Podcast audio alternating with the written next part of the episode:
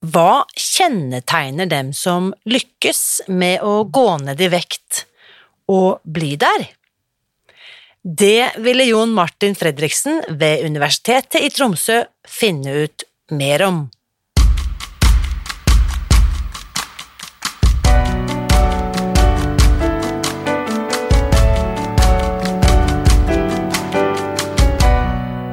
Mitt navn er Irina Lie. Jeg er journalist og forlegger, gründer og sosial entreprenør. I 2015 spiste jeg meg fri fra overvekt og fedme etter å ha slitt med vekt, kropp og følelser i nesten 30 år. Etter at jeg knakk koden, ga jeg meg selv et nytt oppdrag – å dele denne kunnskapen med alle som trenger det. I denne podkasten kan du derfor høre hele lydboken Spis deg fri. Den finner du ved å bla deg tilbake i arkivet og lytte til første sesong. Hver uke inviterer jeg nå gjester som gir deg påfyll til hodet, hjertet og magen. For min visjon er å endre Helse-Norge, og det får jeg ikke til alene. Du bidrar ved å abonnere på podkasten, skrive en omtale i iTunes og tipse meg om hvem jeg burde invitere hit. Da setter vi i gang med ukens episode. Å gå ned i vekt er faktisk ikke så veldig vanskelig. Problemet er jo å unngå å gå opp igjen etterpå. Det vet jeg at vi er mange som har opplevd på kroppen, og jeg kan for min egen del si at det finnes lite som føles mer frustrerende enn å bygge karriere som jojo-slanker. Likevel, det er noen som eh, klarer det, å gå ned all sin overvekt og opprettholde vekttapet over lang tid. Hvordan eh, får de til det? Det ville Jon Martin Fredriksen finne ut mer om, og det skal han også fortelle deg mer om i dag. Her er ukens gjest. Kjære Jon Martin, velkommen til podkasten, og takk for at du ville være med. Takk sjøl. Vi har jo ikke møtt hverandre før vi nå ser hverandre på Zoom, men uh, fortell litt om deg selv, eh, Jon Martin, for de som uh, ikke kjenner deg. Ja, jeg heter da Jon Martin Fredriksen. Jeg er ernæringsstudent på siste året på bachelor i ernæring hos Universitetet i Tromsø. Og før det så har jeg jobba noen år som personlig trener. Og ja, jeg er glad i, glad i, formidling og glad i å skrive artikler. Jeg skrev artikler for ulike nettsider, bl.a. Dagens Medisin, som jo var der du eh, fant meg. Yes, fordi tidligere i høst, eh, for de som ønsker å sjekke ut på dagensmedisin.no, så skrev du en artikkel hvor tittelen var Hva kjennetegner dem som oppnår varig vektreduksjon? Så her har du gått inn og sett på forskning som andre forskere har gjort. Det er ikke, dette er jo ikke din forskning, men du på en måte har sammenholdt forskningsresultater som andre har funnet frem til. Eh, og før vi dykker inn i hva du fant ut, som du skriver om i den artikkelen, så la meg bare først eh, stille deg eh, et spørsmål. Hva er det som gjør at Hva er det som har vekket din interesse for dette fagfeltet? Uh, tenkte på ernæring generelt, eller vektreduksjon spesifikt? Eh, spesielt i forhold til dette med vektreduksjon? Uh, ja, altså selve ernæringsinteressen jeg kommer jo gjennom uh, at jeg var interessert i, i, trening da jeg var yngre. da. Men så har jeg gått mer og mer over på ernæring med årene. Og dette med vektreduksjon det var jo noe jeg var borti når jeg var personlig trener. De aller fleste de ønsker jo å gå ned i vekt. Så da gjorde jeg jo med årene så gjorde jeg meg jo flere erfaringer på hva som hva som funka og hva som ikke funka. Og på en måte også skille de som klarte, og de som ikke klarte. Mm. Og så så jeg eh, flere likhetstrekk med de artiklene som jeg har henvist til. Ja, for vi kan vel slå fast at de aller fleste som forsøker å gå ned i vekt, de får det jo ikke til. De, de, klarer i hvert fall ikke å opprettholde den vektreduksjonen over uh, lengre tid. Ja. Det, den forskningen jeg har fått uh, referert der, er jo da at hvis vi har uh, 100 overvektige. Vi må starte med flere, vi må starte med 10 000 overvektige. Så vil bare én av 100 klare å gå ned all sin overvekt i løpet av ett år. Så 1% lykkes med å gå ned all sin overvekt. Da er eh, slankekirurgi holdt utenfor. Og så, etter syv år, vil kun én av hundre igjen ha klart å opprettholde vekttapet. Det vil si at av de 10 000 som startet ut for syv år siden, så er det kun én som har klart å opprettholde vekttapet. Eh, det er sikkert mange måter å regne dette på, men det sier jo litt om hvor vanskelig dette er. Dette er jo ikke noe som Det finnes ingen quick fix, det er vel åpenbart. Nei, det er sant. Så eh, fortell litt da eh, Kan vi oppsummere hva er det som skal til for å lykkes med varig vektreduksjon? Og da, og da er jo selvfølgelig også, før vi eh, går inn i fasiten, hva er det som her er definert som varig vektreduksjon? Er det f.eks. syv år, er det det forskningen legger til grunn, eller hva er varig?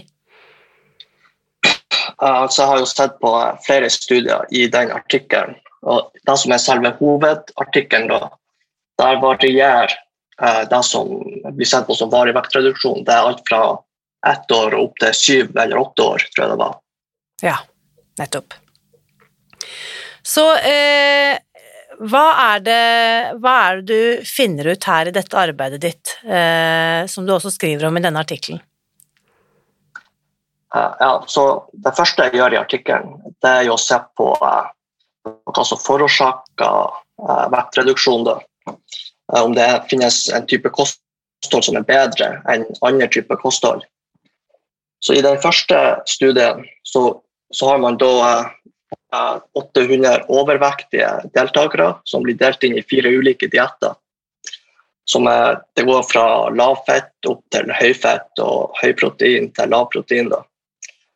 Og de spiser samme type matvarer. Det eneste som er forskjellen hos dem, er da hvilke mengder av de ulike næringsstoffene de får i seg. Og uh, det man så da, det var at uh, på slutten av studien så var det ingen betydelig forskjell i verken kroppsvekt eller midjemål mellom gruppene, selv om de spiste ulike typer kosthold. Så det som var poenget med det, det var jo at det er mange måter å gå ned i vekt på.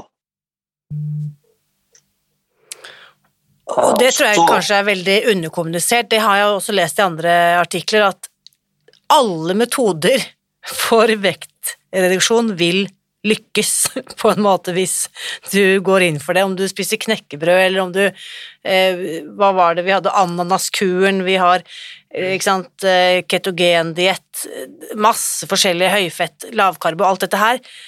Det er så mange veier til mål hvis målet rett og slett er å gå ned i vekt, men Cruxet er jo nettopp, sånn som vi var inne på, å hold, opprettholde vekttapet. Vi kan jo ikke spise ananas resten av livet, liksom. Det går jo ikke. så, så, spørsmålet er jo kanskje ikke akkurat hva, eh, hva er eh, trylleformelen for å gå ned i vekt, men hvordan opprettholde dette eh, vekttapet, hvordan holde kiloene av. Mm. Ja, og, og, da kommer vi inn på det som vi snakka om eh, i stad, det her med hva er, hva er vellykka vektreduksjon. Sånn at uh, i en av de andre referansene så ser jeg på en diabetesstudie der uh, mennesker med type 2-diabetes uh, de blir satt på en diett. Og etter det første året så klarer nesten 70% av de å gå ned bortimot 40% av kroppsvekta si. Nei, de, nesten 40 klarer å oppnå en ønska vektreduksjon etter første året med intensiv livsstilsbehandling. Så det er ikke bare kostholdet, da, men også eh, annen type oppfølging. Og så etter åtte år så så man at nesten 50% av de opprinnelige som hadde klart å gå ned i vekt, eh, de hadde klart å opprettholde vektreduksjon på mer enn 5 mens at eh, nesten 40% hadde klart å opprettholde vektreduksjon på mer enn 10 så hvis man skulle ha basert seg på denne studien alene, så kunne man jo ha sagt at over halvparten lykkes med varig vektreduksjon. Så det handler litt om hvilke, studier man ser på. Men man kan absolutt finne andre studier med andre protokoller som, som viser oppimot 95 at 95% mislykkes. Mm. Så dette her med eh, Det er vel veldig få forunt å få ta del i intensiv livsstilsbehandling. Det er kanskje her noe av nøkkelen ligger. Ikke sant? Hva, hva, vil intensiv livsstilsbehandling eh, innebære, og er det noe som du kan få hos fastlegen din eh, i 2021? Nei. Eh, dette er folk som har fått oppfølging på sykehus. De har blitt oppført både av ernæringsfysiologene og psykologer, tror jeg. Mm. Og så har de da hatt jevnlige, jevnlige avtaler. Så de har på en måte blitt forplikta til å gjennomføre denne livsstilsendringa. Så de har, ikke, de har på en måte hatt noen som, som hjalp dem. Så de har hatt tilgang på et, et, arsenal av andre ressurser enn akkurat liksom en matplan som forteller deg 'spis dette i denne rekkefølgen til disse tidene'. Det, det er på en måte toppen, toppen, toppen av isfjellet, mens kanskje alt det andre øh, Noen å forplikte seg til, oppfølging, øh, en støttegruppe, veiledning, psykologhjelp Alt dette er jo kanskje vel så viktige verktøy, kanskje enda viktigere, da, spør du meg, da. Eh, så eh, har jo du da eh, ved å se på disse ulike studiene som er utført over av seriøse forskningsinstitusjoner over hele verden, så har du på en måte sett at det er noen kjennetegn som uh, går igjen hos de som uh, lykkes. Dette er jo veldig spennende, Jon Martin. Fortell litt om det. Ja, så den, uh, den som er hovedartikkelen som jeg henviser til i min egen artikkel, det er noe som kalles en oversiktsartikkel. Så den ser jo på, den oppsummerer på en måte andre, andre studier. Og Det som var unikt med denne studien, det var jo da at den så på det som kalles kvalitative studier. Og det vil si at da ser man ikke på tall og analyser, men man ser heller på eh, personlige erfaringer. Så Det som ble undersøkt, det var hvilke erfaringer eh, de hadde, de personene som eh, hadde klart å opprettholde vektreduksjon over lengre tid. Og som vi om, så, så, er det da snakk om mellom to opp til åtte år etter at de opprinnelig gikk ned i vekt. Så eh, hva, vi, hva slags kjennetegn er det som eh, går igjen her? Ja, det er motivasjon, og så er det målsetting, og så er det mestringsfølelse. Det er de hoved-takeawayene. Ja. Så blir det jo, I, i den artikkelen så blir det jo delt inn i flere underkategorier. Sånn yt, ytre og indre motivasjon og sånne ting. Nettopp. Så hvis vi går inn på dette med motivasjon Jeg vil jo tenke at indre motivasjon er jo kanskje et godt utgangspunkt for å gjøre en livsstilsendring. Eh, kan det være så enkelt som at eh, jeg ønsker å føle meg bedre? Jeg ønsker å bli friskere? Kan det regnes det som en indre motivasjonsfaktor? Eh, ja, det vil jo telle som en indre motivasjonsfaktor. Hvor sterk den vil være, det, det tenker jeg at det er vanskelig å si. For det kommer litt an på hva man, hva man tenker står på spill hvis man ikke gjør den endringa. Mm. Og da hjelper det kanskje med en ytre motivasjonsfaktor med en lege eller en autoritet som sier at uh, du er død innen fem år hvis ikke du, hvis ikke du legger om uh, livsstilen, at det kanskje vil være sånn ekstra push da, for, å, for å ta tak? Uh, ja, det kan man jo si. I denne studien her så var den viktigste ytre motivasjonen det kom fra familie og venner og folk som eh, sto nært deg. Ja. Men jeg, jeg, tenker at eh, hvis du får høre det såpass eh, direkte fra, fra, en lege, eller noe sånt, så eh, det kan jo hjelpe. Men det kan jo også være, eh, være litt for hardt. Det er vanskelig ja. å si. Det kan bli litt brutalt. Det som jeg syns er interessant i det du også peker på i artikkelen du skriver, det er jo det at eh, det som eh, kan være en betydelig utfordring, det er å være rundt mennesker som gjennom diverse atferd prøver å sabotere for livsstilsendringen din. Har du noen eksempler på det, mennesker i min omkrets som prøver å spenne bein på meg? Ja, du har jo f.eks. det her populære slankeprogrammet ikke, ikke, Biggest Loser, men det er et annet program der man uh, følger overvektige mennesker. Uh, og så ser man i f.eks. en av disse episodene at familiemedlemmene til denne personen som skal slanke seg, de driver og, altså med hensikt driver og spiser pizza, burger osv. fremfor denne personen. Altså De legger på en måte masse hindringer i veien for vedkommende. Ja.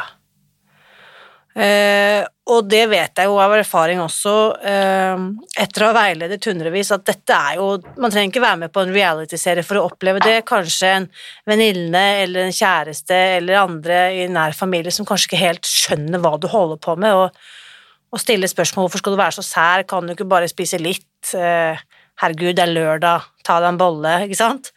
Eh, ja jeg, jeg regner ikke med at du har noen god fasit nå, Jon Martin, på hvordan man kan forebygge den type sabotasje, men har, du har sikkert gjort deg noen tanker om det. Hva, hva tenker du om det?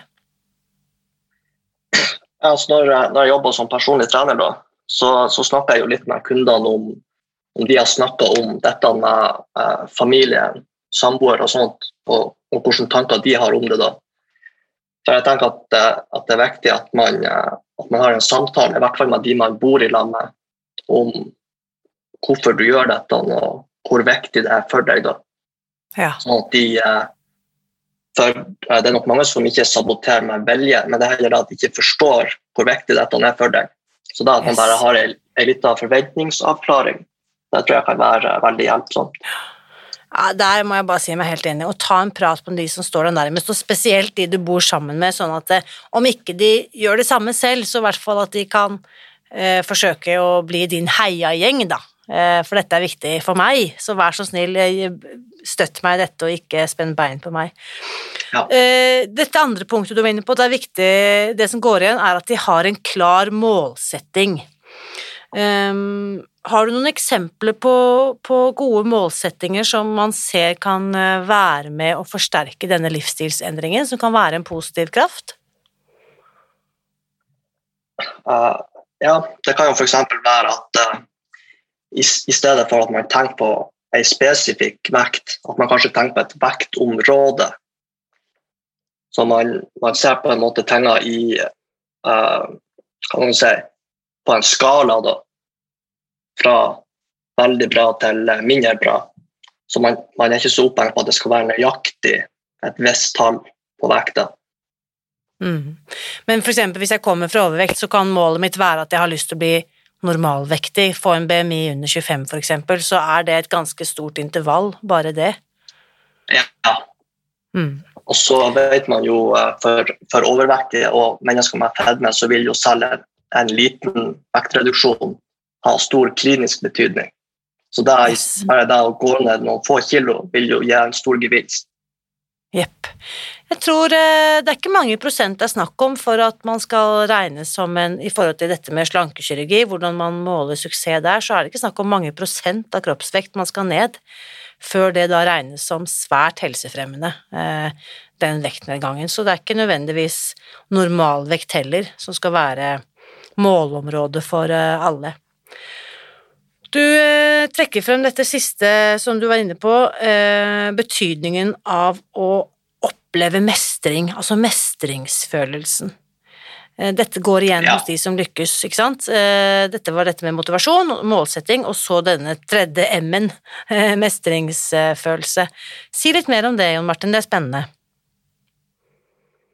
Uh, ja, så det med mestringsfølelse handler jo om å å ikke gape over for mye. Så for så skriver jeg jo at uh, deltakerne var opptatt av porsjonsstørrelse, og at de registrerte hva de spiste. Men dette behøver jo ikke nødvendigvis å være snakk om uh, kaloritelling. Altså Man kan jo ha porsjonskontroll på andre måter, f.eks. Med, med å bruke hendene eller mindre fat osv. Så, videre. så bare det at man tar kontroll på altså man har en lavest mulig terskel for å ta kontroll over ting. Det, det, er veldig viktig. Det er så interessant akkurat det med porsjonskontroll, for det, andre, dette er jo et viktig prinsipp også i Spis deg fri-metoden, at vi spiser ikke bare én porsjon til hvert måltid, og det er jo veldig enkelt å undersøke. Har jeg nå gått frem og tilbake til kasserollen fire ganger og forsynt meg på nytt, eller har jeg forsynt meg én gang, punktum? Uh, og dermed, når folk hører porsjonskontroll, de som ikke kjenner metoden, så tror de umiddelbart at det er snakk om å ta veldig lite mat. Men det sier jo ikke dette, denne studien heller noe om. Det trenger ikke nødvendigvis være at man skal spise så lite som mulig og kontrollere og passe på at man liksom spiser minimalt. Det kan bare være at jeg har en plan for hvor mye jeg skal spise, og så følger jeg den planen. Ja, uh, Poenget er jo uh, at man er konsistent.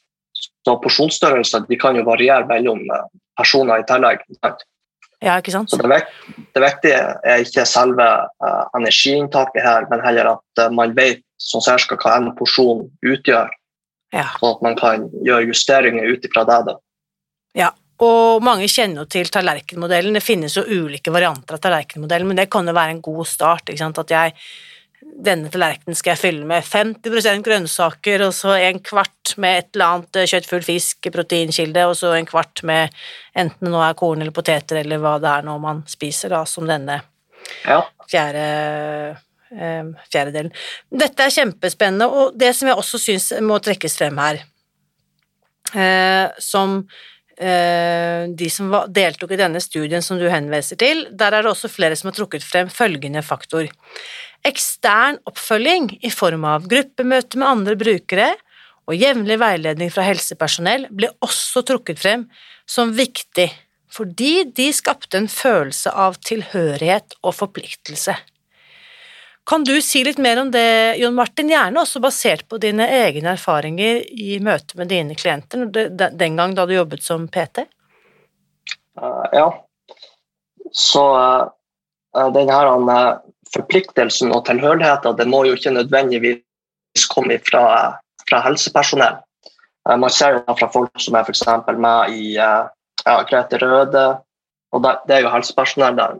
Men f.eks. din metode også, der har man jo et miljø rundt seg, folk som, folk som støtter deg. Og det vil jo bidra til at du, du føler at du tilhører et miljø, og så skaper det jo forpliktelse. Mm.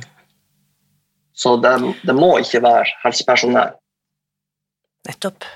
Det, det, tror jeg er så viktig, akkurat den faktoren der, å gjøre dette sammen med andre. For jeg, jeg vil nesten si at det å legge om eh, kostholdet, er å gjøre en radikal livsstilsendring hvor målet er å Enten det er nå å gå ned i vekt eller forebygge sykdom eller spise seg fri fra sykdom, og hvis det er det Det er en såpass stor oppgave at ta nå ikke på deg den byrden alene. Gjør det sammen med noen, for da blir det da blir det mye enklere. Ja. Rett og slett. Ehm, jeg er bare nysgjerrig, siden du også studerer nå ernæring, Jon Martin. Har du selv gjennomgått noen livsstilsendringer? Har du selv forsøkt å endre kosthold eller gjort noen radikale grep i forhold til egen eh, livsstil? Jeg vil ikke si at jeg har gjort noen, noen radikale grep, eh, men eh, jeg har begynt å spise mer plantebasert med årene. Det har jeg gjort. Ja. Så mer, mer, grønnsaker og sånt, ja. Spennende. Og så vet jeg også at du øh, nå øh, i forbindelse med, med, studiet ditt jobber på et øh, prosjekt om ultraprosessert mat. Dette er jo et tema vi har snakket om i podkasten mange ganger, som jeg og lytterne elsker å, å, høre mer om. Ultraprosessert mat, altså mat som, hva skal vi si, ikke lenger er i sin naturlige, opprinnelige form. Jeg vet ikke, det finnes jo mange definisjoner på ultraprosessering, men eh, fortell litt om det arbeidet du gjør der, Jon Martin. Uh, ja, så denne sommeren så ble jeg jo tildelt et uh, sommerstipend for forskningsinteresserte studenter av eh, Helsefakultetet hos eh, Universitetet i Tromsø. Da. Og da uh, kom jeg inn på et prosjekt om ultraprosessert mat, der jeg skulle klassifisere matvarer ut ifra det her NOVA-systemet, som det heter. Det finnes jo flere måter å klassifisere matvarer på, men det mest utbredte når det gjelder det her med ultraprosessert mat, det er det som heter NOVA. Du kjenner sikkert til det navnet, da. Så da har jeg eh, satt med data fra en studie som heter Kvinner og kreft-studien, som har pågått i en god del år. Og så hadde jeg da eh, ei liste over alle matvarene som er registrert opp gjennom årene i, eh, i denne studien. Og så har jeg klassifisert de ut ifra dette NOVA-systemet. da. Wow. Og da, da var det snakk om litt over 400 uh, varekoder. da. Og så nesten det var, ikke, det var, ikke, 400 unike matvarer. Det var noen matvarer som gikk igjen for de hadde samme koder og sånne ting. Så når vi var ferdige, så tror jeg det var rundt 270 unike matvarer. Og så er det jo også flere av matvarene som er sammensatt av flere tegner. Så det måtte jo på en måte løses opp, og så måtte vi vurdere disse grandiansene for seg sjøl. Med mindre det var snakk om ferdigmat. Nettopp. Ja, så, så ferdigmat ble vurdert som ett produkt. Men betyr det da at dere også tar dette, ser dette i forhold til og basert på hva slags kosthold de enkelte respondentene har hatt i forhold til sykdomshistorikk, og man kan koble noe mellom matinntak og hva slags sykdommer man utvikler? Er det også en del av denne studien? Det arbeidet som jeg har gjort, eh, det blir brukt av en eh, mastergradsstudent akkurat nå. Og I den masteroppgaven skal Eh, sammenhengen mellom inntak av eh, ultraprosessert mat og kolorektalkreft utforskes. Wow. Så, så, det vi gjorde i sommer, det var på en måte forarbeidet, klassifisering av matvarene, sånn at det var klart til å, klart til å brukes da, i denne masteroppgaven. Utrolig spennende. For et livsviktig arbeid. Dette her må vi høre mer om, Jon Martin, eh, både av deg og dine forskningskollegaer når dere kommer litt videre i den studien der. Dette er kjempespennende. Eh, kanskje du en vakker dag da blir nysgjerrig til å gjøre en eh, doktorgradsarbeid på Spis deg fri, og denne gjengen her som spiser helt på tvers av det samfunnet ellers eh, gjør. Det er jo Jeg tror at vi ville på en måte blitt en sånn derre Hva kaller man det? Black swan en sånn undergruppe som bare Hva? Hvorfor er denne gjengen så frisk og oppegående? Jeg, jeg, tror jo at eh, vi blir det vi spiser, at mat er medisin. Jeg vet ikke, Jon Martin, det er jo kanskje ikke akkurat vitenskapelig bevist, men det er jo noe mange eh, fremtredende vitenskapsmenn har sagt gjennom århundrer. Eh, hva tenker du om det, at vi blir det vi spiser, og at vår mat kan være vår medisin? Uh, ja, det her med at mat er medisin, det er jo noe som tilskrives som Hippokrates. Og nå er det jo faktisk folk som har undersøkt om det finnes dokumentasjon på at han har sagt det, og det gjør det jo ikke. Men det er jo et fint sitat, og han har jo et uh, veldig godt poeng. Så jeg er jo enig i at uh, i hvert fall for noen mennesker så har kostholdet en veldig stor betydning. Og spesielt med enkelte sykdommer så er jo, da er jo kostholdet bokstavelig talt medisin. Så ikke, jeg vil ikke personlig ha, ha, ha, sagt at mat er medisin sånn tvert, men ja, i noen tilfeller så, så tenker jeg at det er helt innenfor å si det. Mm. Det kan i hvert fall påvirke helsen vår, både det vi velger å spise og uansett eh, kvaliteten på maten vil jo ja. sette sitt avtrykk. Dette var kjempespennende, Jon Martin. Lykke til med alle videre prosjekter, og så håper jeg også at eh, jeg kan få muligheten til å invitere deg tilbake en gang og høre mer om dette arbeidet dere også gjør i forhold til ultraprosessert mat. Ja, det hadde vært artig. Kanskje om et år eller to.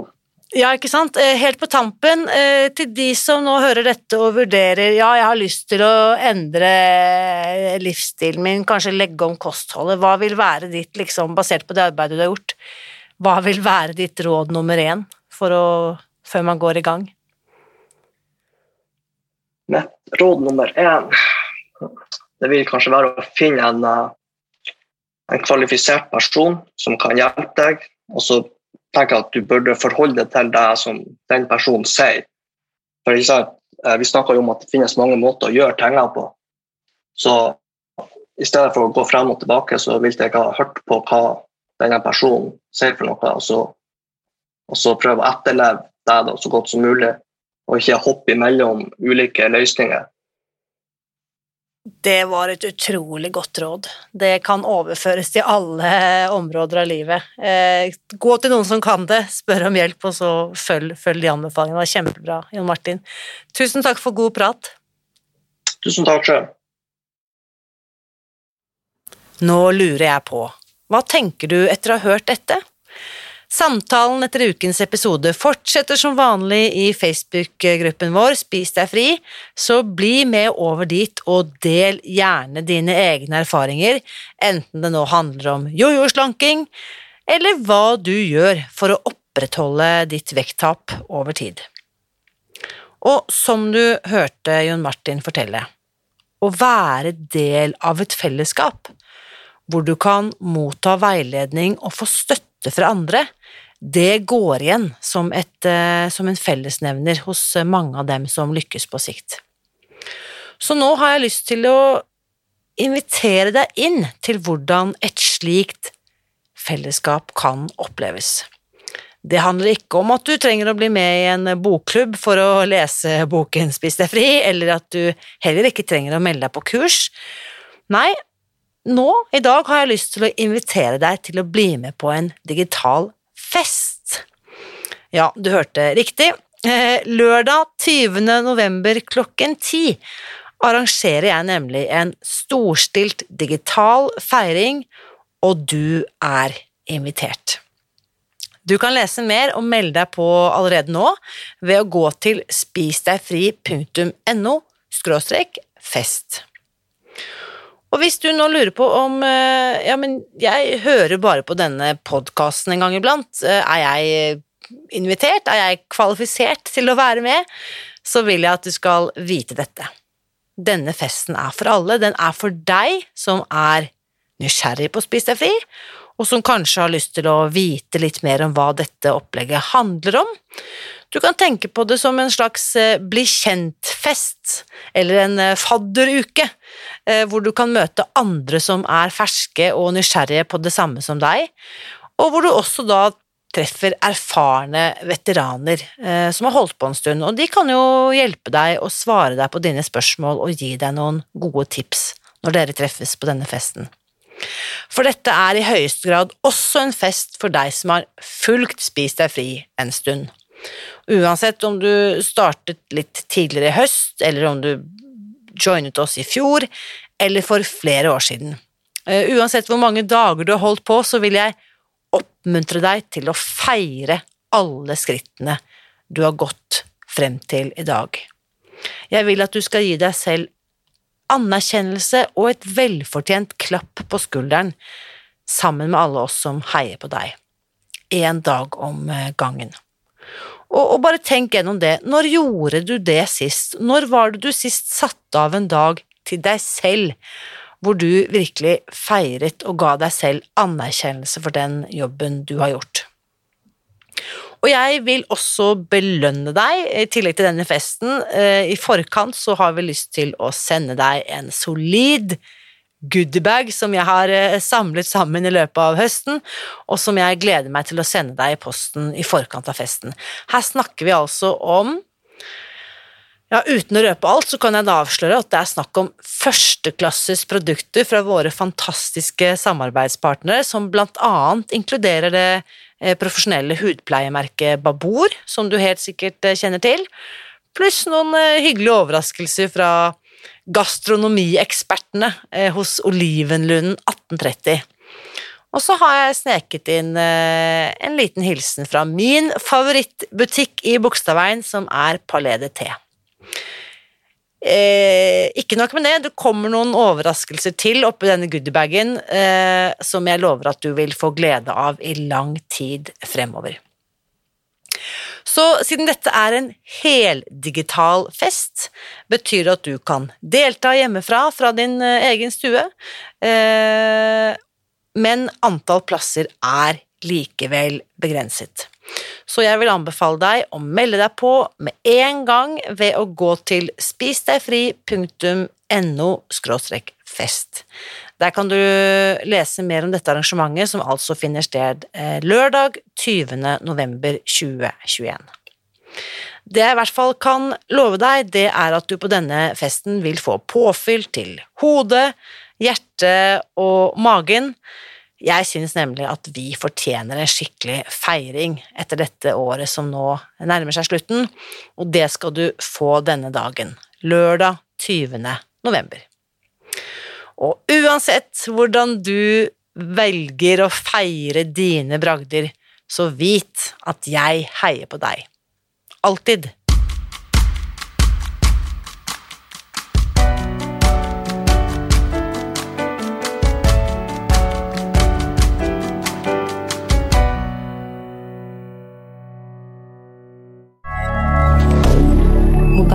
D'accord.